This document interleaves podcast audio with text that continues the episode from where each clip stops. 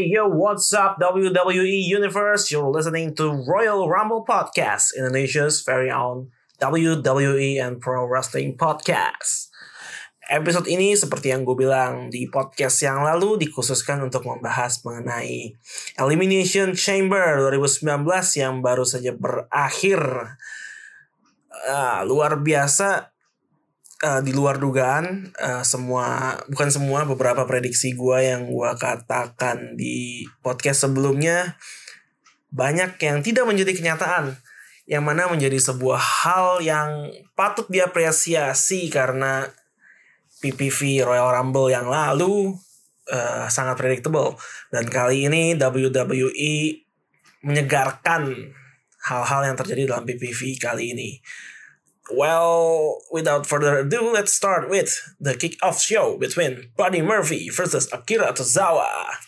Dalam match yang memperebutkan Cruiserweight Championship uh, di mana Buddy Murphy berhasil mempertahankan gelar juaranya.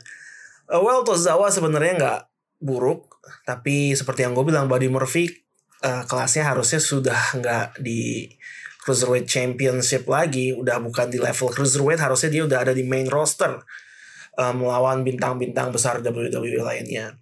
He's too good for this division uh, and should be on his way on the main roster shortly.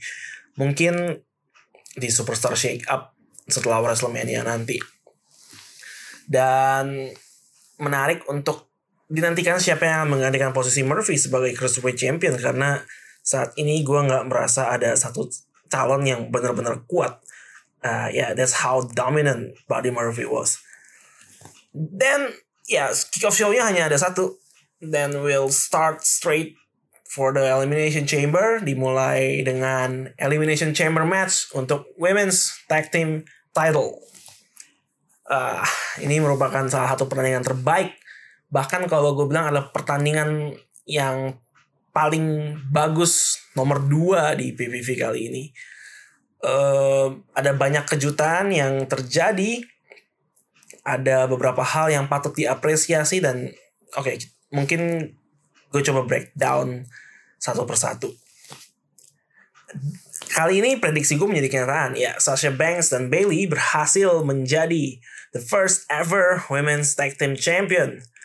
Uh, mereka menampilkan performa yang luar biasa karena merupakan kontestan pertama yang harus bertanding di Elimination Chamber match ini menghadapi Sonya Deville dan Mandy Rose yang masuk di urutan kedua. Setelah pertandingan, Sasha dan Bailey berdiri di tengah ring dan menangis, berpelukan, dan mengangkat tinggi-tinggi sabuk juara mereka.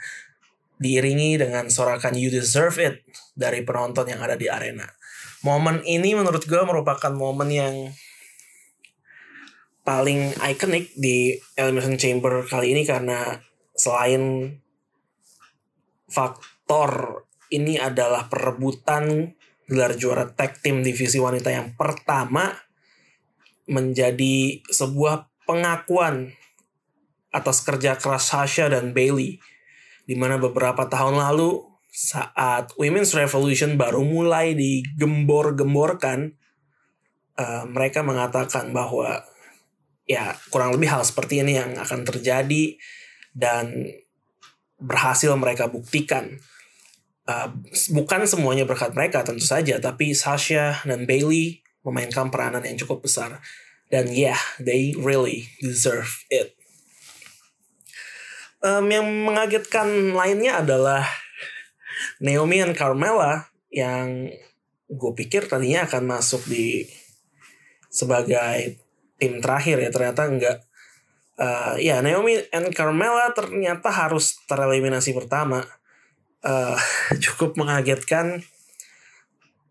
Uh, karena gue tidak memprediksi hal ini. Uh, dan dieliminasinya juga oleh The Conics bukan oleh Mandy dan Sonya Deville di mana Mandy dan Naomi kan punya konflik yang belum selesai saling mengalahkan di dua dua pekan terakhir. Tapi yang mengalahkan mereka bukan mereka bukan Sonya dan Mandy uh, sempat ada uh, adu pukul antara Mandy dan Naomi di Elimination Chamber kali ini ya dan ini sekali lagi menjadi sebuah hal yang patut diapresiasi. Hal kecil yang menurut gue layak mendapatkan apresiasi lebih. Karena mampu menjaga konflik mereka tetap hidup bahkan ketika fokus ketika spotlightnya tidak benar-benar mengarah kepada mereka berdua. So kudos to the WWE creative, especially the SmackDown one. Uh, kemudian Nia Jax dan Tamina seperti perkiraan cukup dominan, uh, berhasil mengeliminasi dua tim yaitu The Iconics dan juga The Riot Squad. Um, sebelum kemudian dikalahkan oleh tim Boss and Hawk, Sasha dan Bailey, walaupun dengan bantuan Mandy dan Sonya Deville.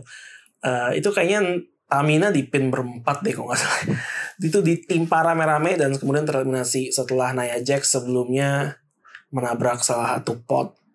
Uh, dia berupaya menghajar Bailey tapi Bailey menghindar kemudian menabrak pot dan harus terkapar. Itu yang menyebabkan Tamina kemudian tanda kutip dikeroyok sehingga tim yang begitu dominan ini harus harus tereliminasi dan gagal menjadi juara. Nah, hal yang mengagetkan adalah gue expect Tamina dan Nia Jax akan menjadi rintangan terakhir untuk Sasha dan Bailey. Tapi kemudian yang menjadi final opponent mereka di Elimination Chamber kali ini adalah Sonya dan Mandy. Uh, yang mana ini dua tim yang mengawali Elimination Chamber ini uh, ya sangat jarang terjadi dua kontestan pertama kemudian bertahan sampai akhir dan itu yang terjadi kali ini. Uh, dan Mandy menurut gue di Elimination Chamber kemarin tampil cukup impresif ya nggak seperti Mandy beberapa pekan lalu uh, di mana diportray sebagai seorang yang menjual sensualitasnya untuk menjebak suami dari Naomi Jimmy Uso. Uh, kali ini Mandy diportray sebagai wrestler yang bonafit wrestler yang kompeten. Um, dia mampu beberapa kali merepotkan uh, Sasha dan Bailey sampai dia juga hampir berhasil melakukan pin out kepada Sasha walaupun berhasil digagalkan Sasha dengan hitungan detik yang sangat tipis uh, dan menjadi sebuah hal yang menyenangkan melihat Sasha kali ini yang dibebankan tugas lebih berat untuk mengalahkan lawan-lawan, menghadapi lawan-lawannya. Karena pekan-pekan sebelumnya saat Sasha cedera, Bailey yang yang dibebankan tugas itu. Kali ini uh, Sasha seperti um, balas budi, enggak juga. Seperti ya mengambil mantel itu untuk mengatakan thank you kemarin sudah berjuang untuk gue, now it's my turn to win this thing for us. And that's really how it all went down. Sasha akhirnya berhasil uh, melakukan tap out kepada Sonya Deville dengan The Boss, oh sorry, The Bank Statement membuat mereka menjadi juara. Um, kontestan lain yang ingin gue highlight adalah Liv Morgan. Uh, di podcast yang lalu gue udah bilang gue sangat menyukai Liv Morgan karena this girl got huge potential in my eyes. Dan itu kembali ia tunjukkan walaupun durasi The Riot Squad nggak begitu lama bertahan di Elimination Chamber kali ini. Tapi Liv melakukan beberapa move yang cukup mengesankan gue. Salah satunya ketika dia melakukan Hurakan Rana kepada uh, gue lupa siapa, tapi dia sempat melakukan itu dan itu wow that's so smooth, uh, sangat luar biasa. Dan ya seperti yang gue bilang dia bisa menjadi lebih besar dibandingkan dua rekannya di Riot Squad apabila uh, di booking dan di nurture dengan benar. Ya semoga aja kejadian karena ya yeah, I like this girl. Dan congrats to Sasha and Bailey. Uh, yang menjadi pertanyaan gue adalah karena ini title merupakan cross brand ya, nggak eksklusif seperti Raw Tag Team Championship atau SmackDown Tag Team Championship. Uh, siapa yang akan menjadi penantang Sasha dan Bailey berikutnya? Peluangnya sangat terbuka lebar untuk siapa pun dan menarik gimana caranya mereka mempertahankan title ini kepada Raw atau kepada SmackDown atau dua-duanya dan ya yeah, so many opportunities untuk dieksplor oleh kreatif WWE dan semoga mereka nggak screw it up. Uh, kita lanjut ke match berikutnya di mana urutannya kalau nggak salah ada Shane McMahon dan The Miz menghadapi The Usos. Uh, sebelum pertandingan dimulai, Maurice, istri dari Miz, uh, muncul dan mengumumkan bahwa mereka akan mempunyai bayi lagi. They're having another baby, so congrats to The Miz and Maurice. Dan pertandingan ini dimenangkan oleh The Usos yang benar-benar di luar prediksi gue. Gue nggak menyangka Miz and Shane, tim Mac Miz ini akan kehilangan titlenya secepat ini. Walaupun ya gue suka The Usos dan menurut gue mereka adalah tag team terbaik di SmackDown saat ini dan mereka sangat layak memegang gelar ini. Tapi gue nggak nyangka ya yeah, this is the moment. Um, don't get me wrong, maksud gue ya gue senang mereka dapat title tapi cuma nggak nyangka aja. Uh, sepertinya memang uh, Miss sebagai face dan yang ngetim sama Shane tidak memiliki cukup apa ya they didn't have enough in their tanks to beat the Usos secara clean. Dan itu yang terjadi kali ini. Miss benar-benar diportray sebagai beban di sini, sebagai liability. Uh, lagi-lagi Shane yang diportray sebagai the alpha male di tag team ini. Um, kalau ini handicap match, mungkin Shane melawan The Usos, mungkin Shane udah meraih kemenangan karena dia begitu superior dibiarkan tampil begitu superior di match ini sampai Uso bersaudara ini kerepotan. Miss malah ya tetap dibiarkan sebagai seorang yang lemah. Uh, menariknya di segmen nanti setelah kekalahan mereka di mana Shane sedang menjalani perawatan, uh, justru Miss yang marah-marah yang ngamuk karena kehilangan titlenya. Ia melempar semua barang-barang yang ada di meja. Sampai Shane bilang, ya tenang, lu pulang dulu nanti kita akan bicarakan, kita selesaikan di minggu depan. Ini membuat gue mempertanyakan ulang prediksi gue di mana yang akan turn heel dalam konflik dua orang ini yang pasti akan terjadi di masa depan. Justru Shane yang turn heel.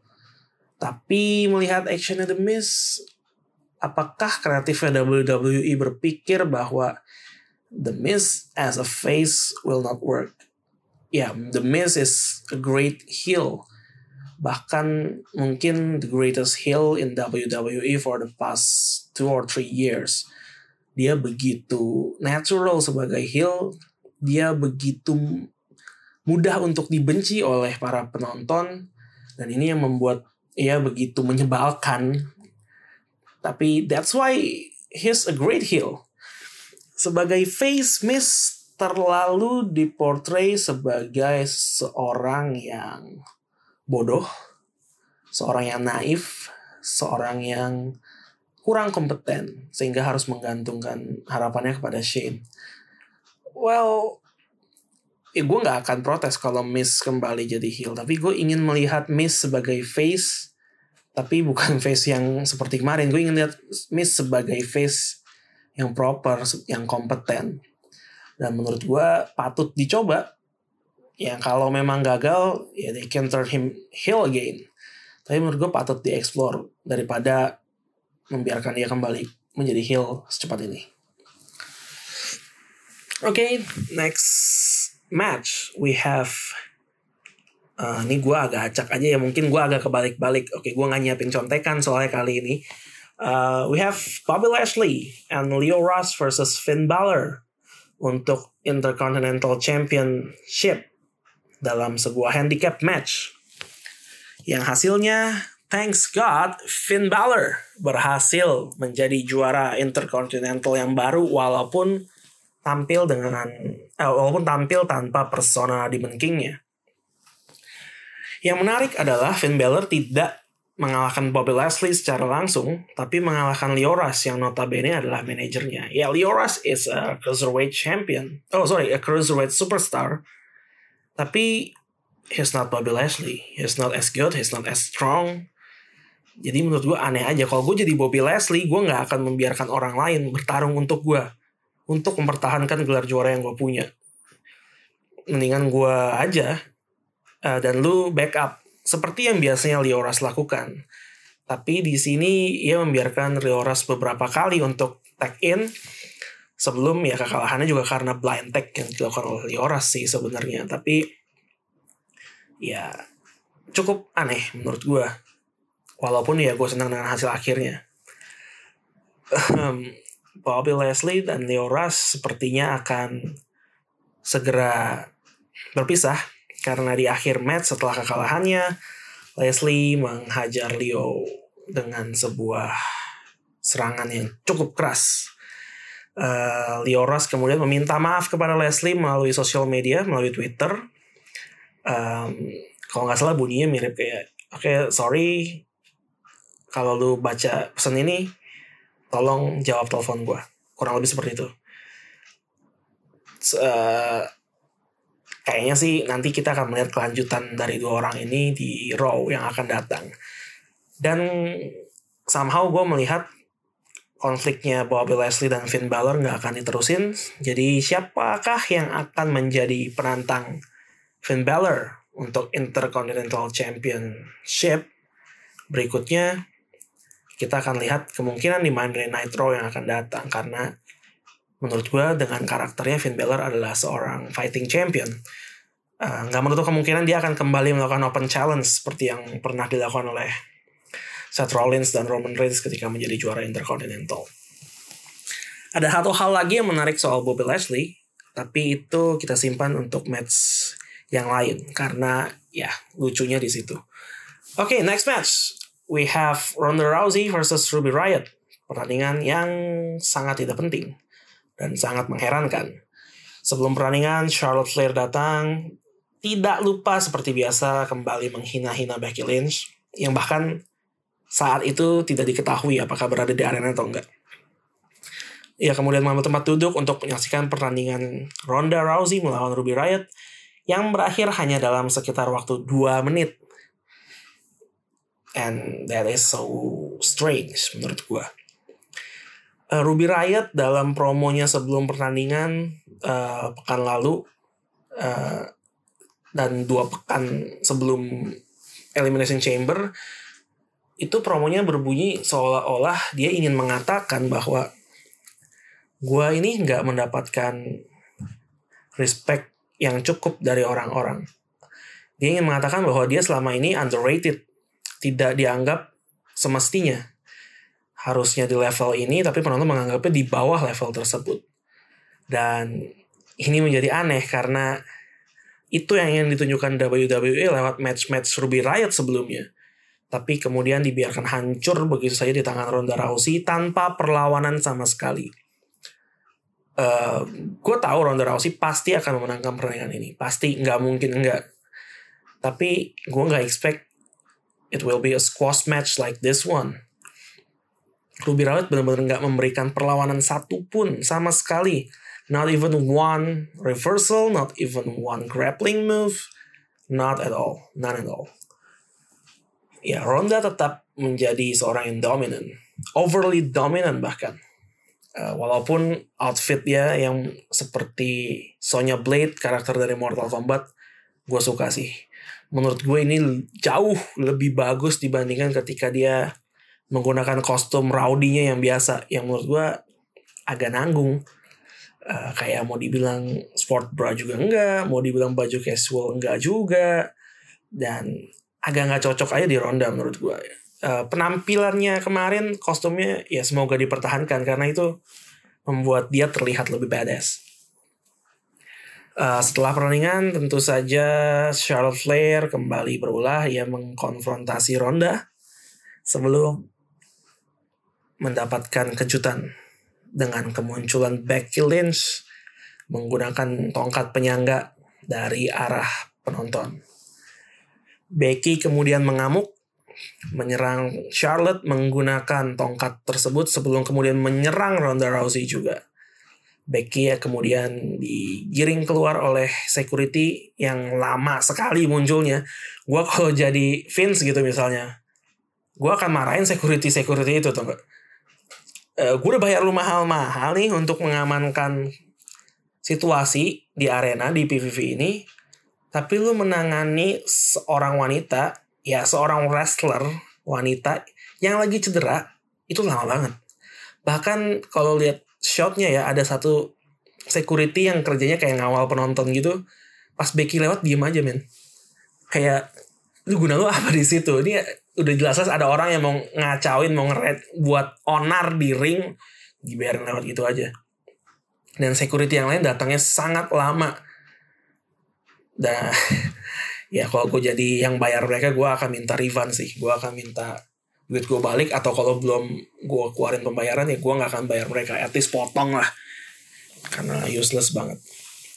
Becky kembali mendapatkan spotlight. Uh, dan ini menguatkan asumsi bahwa ya yeah, she will be the one to dethrone Ronda Rousey di WrestleMania nanti. Uh, kalau ngomongin soal mereka bertiga akan cukup panjang dan kita lihat aja di Monday Night Raw apa yang akan terjadi berikutnya. What's WWE have in store in this storyline? Okay, we are going to go to our next match, which is Braun Strowman versus Baron Corbin in a no disqualification match. Uh, gue udah bilang di podcast gue sebelumnya, cuma ada ke dua kemungkinan match ini akan berakhir. Strowman menghabisi Corbin, atau match ini direcokin oleh Drew McIntyre dan mungkin beberapa orang lainnya.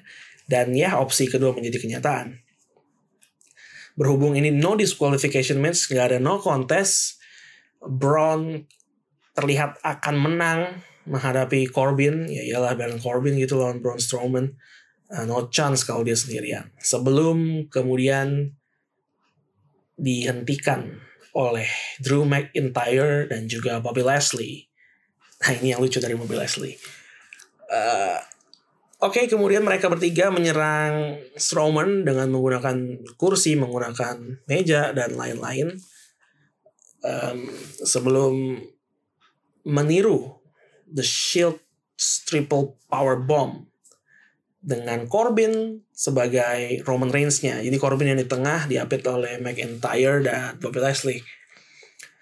Dan mereka menghempaskan Strowman ke dua meja uh, Corbin kemudian melakukan pin kepada Strowman one, two, and three dan ya yeah, your winner is Baron Corbin. Um, ada dua hal tiga mungkin yang ingin gue cermati di sini yang menurut gue aneh dan merupakan hal yang nggak bisa gue mengerti dan mungkin cukup mengecewakan kecuali yang ketiga. Yang pertama adalah Braun Strowman. Uh, gue nggak tahu apakah dia akan mendapatkan push lagi. Uh, he was the hottest superstar in WWE at one point tapi kemudian tidak juga di trigger untuk menjadi juara tidak pernah diberikan kesempatan megang gelar juara bahkan money in the bank yang dia pegang sama sekali nggak memorable mengecewakan sekali dan kemudian momentumnya menghilang. Inilah yang kelemahan WWE akhir-akhir ini. Gagal memanfaatkan momentum yang dimiliki oleh superstar mereka. Elias sedang hot-hotnya, tidak pernah mendapatkan book yang proper, sampai kemudian mereka harus turn Elias heel lagi, dan momentumnya sekarang sedikit menurun, atau bahkan menurun jauh. Dan ya ada banyak kasus seperti itu. Nakamura misalnya juga sama Nakamura sempat sangat populer, sempat menjadi the hottest thing juga in WWE, kemudian dibiarkan menangkan Royal Rumble, tapi kalah konyol di match-match besar selanjutnya yang menyebabkan dia kemudian sekarang terjebak dalam tag team gado-gado bersama Rusev. Masih banyak kasus lagi dan yang terkini adalah Braun Strowman. Um, apakah dia akan kembali mendapatkan popularitasnya seperti beberapa bulan yang lalu gue nggak yakin uh, storyline yang dia miliki bersama Baron Corbin juga gak terlalu kemakan sama fans sekarang dan ya yeah, the future tampaknya cukup suram kalau dilihat sekarang untuk The Monster Among Men. Semoga salah karena karakter ini punya potensial untuk menjadi rintangan terakhir untuk banyak superstar. Yang kedua, yang mungkin paling mengecewakan buat gue. Ini ada kaitannya dengan momentum yang dibunuh oleh WWE. Yaitu soal Drew McIntyre.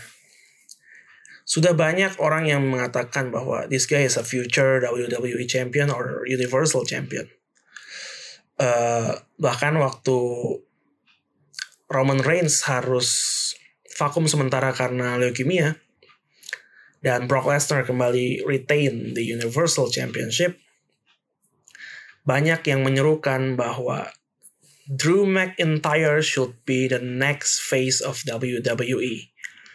He should be the one to beat the Beast. Ya, dan spot itu diberikan kepada Seth Rollins ya banyak juga yang mendukung Seth. Jadi waktu itu terpisah, terbagi dua menjadi faksinya Rollins dan faksinya Drew McIntyre.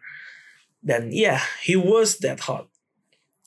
Um, tapi lagi-lagi kita dikecewakan ya janji cuma janji dari keluarga McMahon ya mereka mengatakan akan ada banyak ada perubahan di tahun 2019 ini tapi masih banyak faktor yang mengecewakan sekarang bukan cuma tidak mendapatkan storyline yang proper, he's been demoted to one of Baron Corbin's lackeys. Aduh, really? Seriously? Baron Corbin lawan Drew McIntyre one on one. Sekarang menurut kita aja, siapa yang akan menang? Pasti Drew McIntyre. Uh, kalau tanpa ada gangguan-gangguan atau eh, serangan-serangan buta. Bahkan dengan serangan buta pun gue rasa masih menang McIntyre. He was that dominant back then. Dia yang memberikan Claymore kick kepada Strowman waktu itu. Dia juga tampak bisa mengimbangi Brock Lesnar secara fisik, secara kekuatan, dan he's a complete package untuk menjadi top guy di WWE.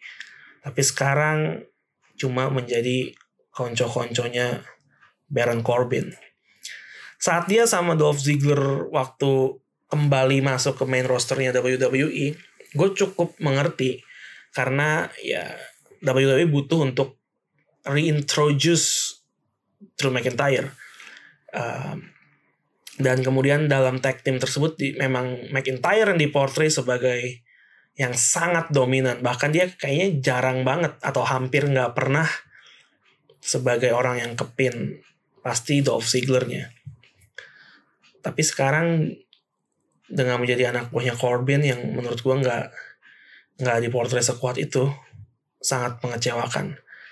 Dan menurut gua buat Drew-nya sendiri juga menyebalkan sih pastinya.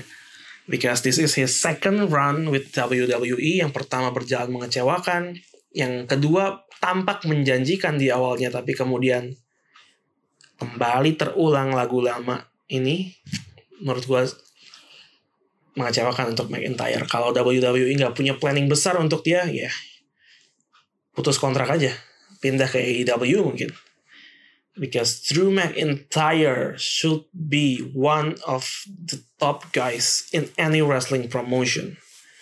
He's got everything. He will be a great heel. He has the looks. He has the charisma dan punya persona yang cukup kuat. Ya, sangat mengecewakan. Even more so than Braun Strowman, ini adalah langkah yang paling mengecewakan buat gue di Elimination Chamber kali ini. Dia juga nggak punya alasan yang kuat untuk menolong Baron Corbin. So I wish I was I wish I I'm wrong.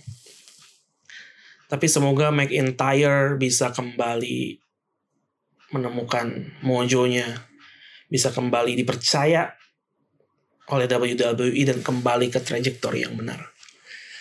Dan poin ketiga yang mengherankan untuk gue adalah Bobby Leslie ini dibanding mengecewakan lebih ke lucu ya karena emang gue udah kecewa sama gimmick ya Bobby Leslie sejak lama sejak jadi heel udah aneh banget sudah ya yeah, I don't really care about him because his gimmick.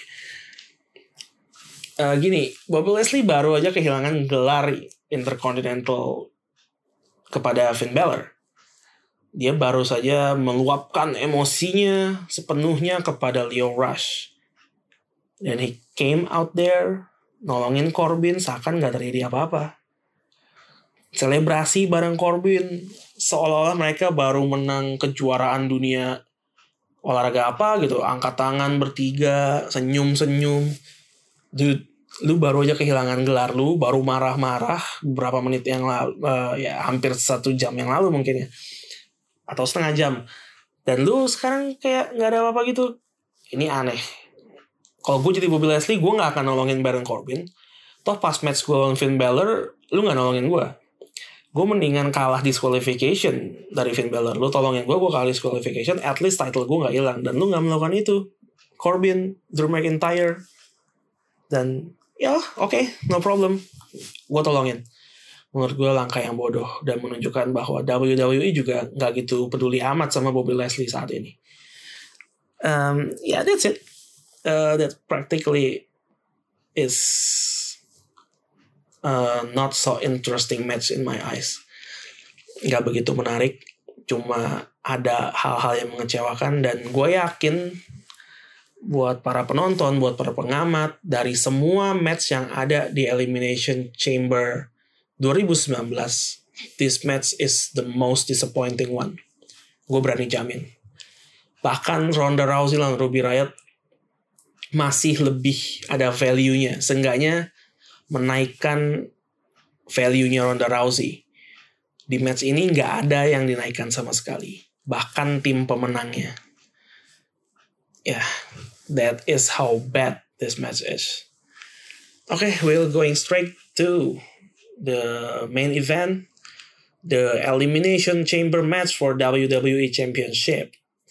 Uh, sebelum match ini ada Lacey Evans keluar dengan musiknya, kemudian putar balik dan balik kembali ke backstage. Tidak penting sama sekali, tidak ada maksud dan tujuannya. Dan seperti Noe Jose doang yang keluar dengan rombongan study tournya, kemudian kembali lagi. Ya sama aja, ini nggak jelas ngapain juga, aneh. Tapi gue bahas, tapi ya udahlah ya. Uh, Elimination Chamber match, di mana prediksi gue di porak-porandakan. Uh, good job WWE kreatif gue tuh di WWE ya beda sama di bola gue lebih seneng kalau prediksi gue tidak menjadi kenyataan kalau di WWE kalau nonton sepak bola tim favorit gue misalnya Manchester United gue memberikan prediksi MU akan menang yang completely subjektif pastinya ya gue seneng kalau menjadi kenyataan. Tapi kalau di WWE makin sering prediksi gue meleset gue makin seneng. Karena unpredictable match biasanya lebih baik dibandingkan yang predictable. Match dimulai oleh Daniel Bryan dan Samoa Joe. Um, uh, Daniel Bryan berusaha menghindar tapi nggak bisa lama-lama dari cengkraman Samoa Joe sebelum Kofi Kingston yang menjadi man of the match di gauntlet match kemarin masuk di urutan ketiga. Um, dan ya, Kofi Kingston lagi-lagi mencuri perhatian menjadi bintang dalam match ini. Mematahkan prediksi gue yang bilang bahwa Kofi akan tereliminasi pertama atau kedua. Urutan masuknya Kofi ketiga, uh, keempat ada AJ Styles, kelima Jeff Hardy, keenam ada Randy Orton. Karena Randy Orton yang memenangkan gauntlet match dan diberikan privilege untuk masuk terakhir dan yang tereliminasi eh, tereliminasi tereliminasi pertama surprisingly is semua Joe uh, gue expect antara Kofi atau Jeff tapi malah semua Joe yang tereliminasi pertama setelah menelan phenomenal forearm dari AJ Styles mentah-mentah. Uh, berarti Joe tereliminasi ketika orang di ring masih berjumlah empat orang. Jadi Joe tereliminasi sebelum Jeff Hardy masuk. Kemudian Jeff masuk dan yang tereliminasi kedua justru Jeff Hardy setelah mendapat running knee strike oleh Daniel Bryan. Uh, next yang tereliminasi adalah AJ Styles karena RKO dari Randy Orton.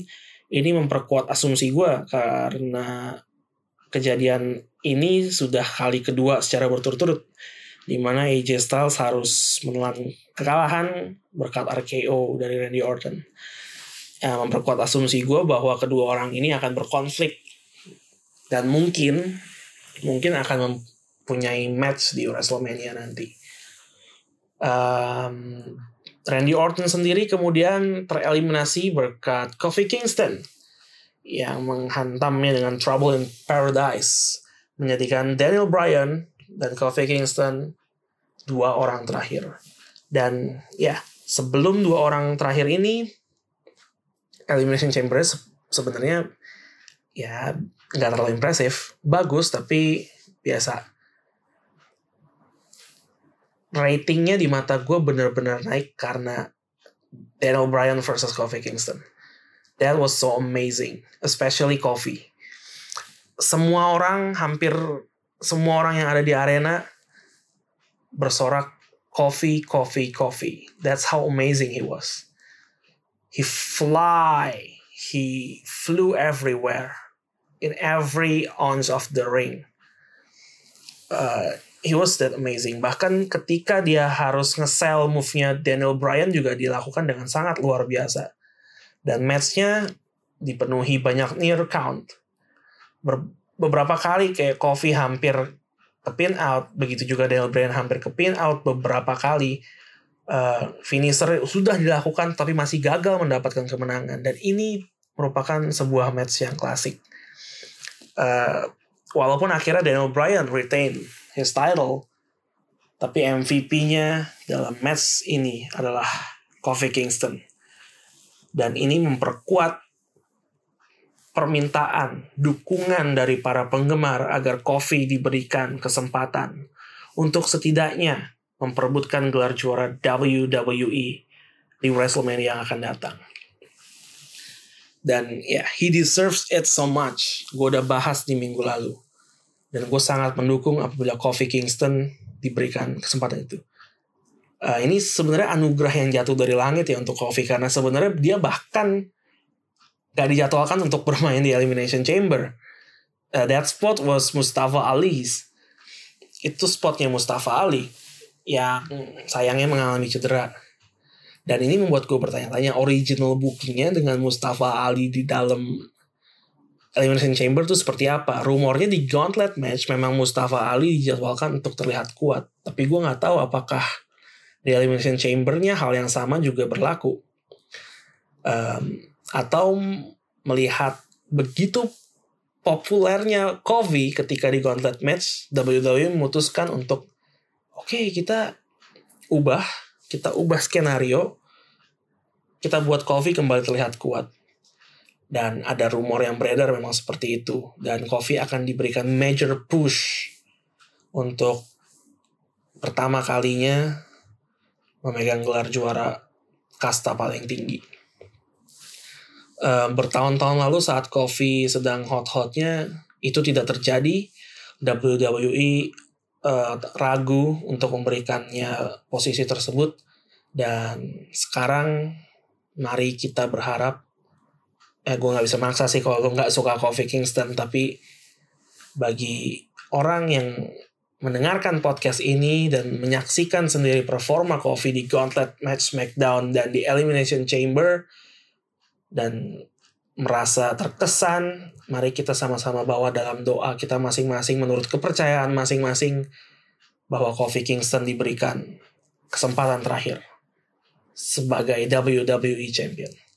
Sebelum karirnya sebagai performa performer di level paling atas harus berakhir karena faktor usia. Dan ya, congratulations Daniel Bryan. Seperti yang gue bilang, kemungkinan dia akan tetap menjadi WWE Champion sampai WrestleMania. Uh, dan semoga di WrestleMania lawannya adalah Kofi Kingston. Saat ini, Kofi Kingston mungkin adalah superstar paling hot. Nomor dua mungkin di bawah Becky Lynch. Dan ya, gue udah bahas tadi soal momentum yang gagal dimanfaatkan oleh WWE dan semoga ini tidak terjadi pada Kofi Kingston. So this is it for Elimination Chamber. Udah nggak ada lagi kayaknya yang ingin gue bahas atau ada dan terlewat tapi ya udah bisa gue bahas di podcast berikutnya. Uh, I think that is it for now and I will see you on the next episode. Bye bye.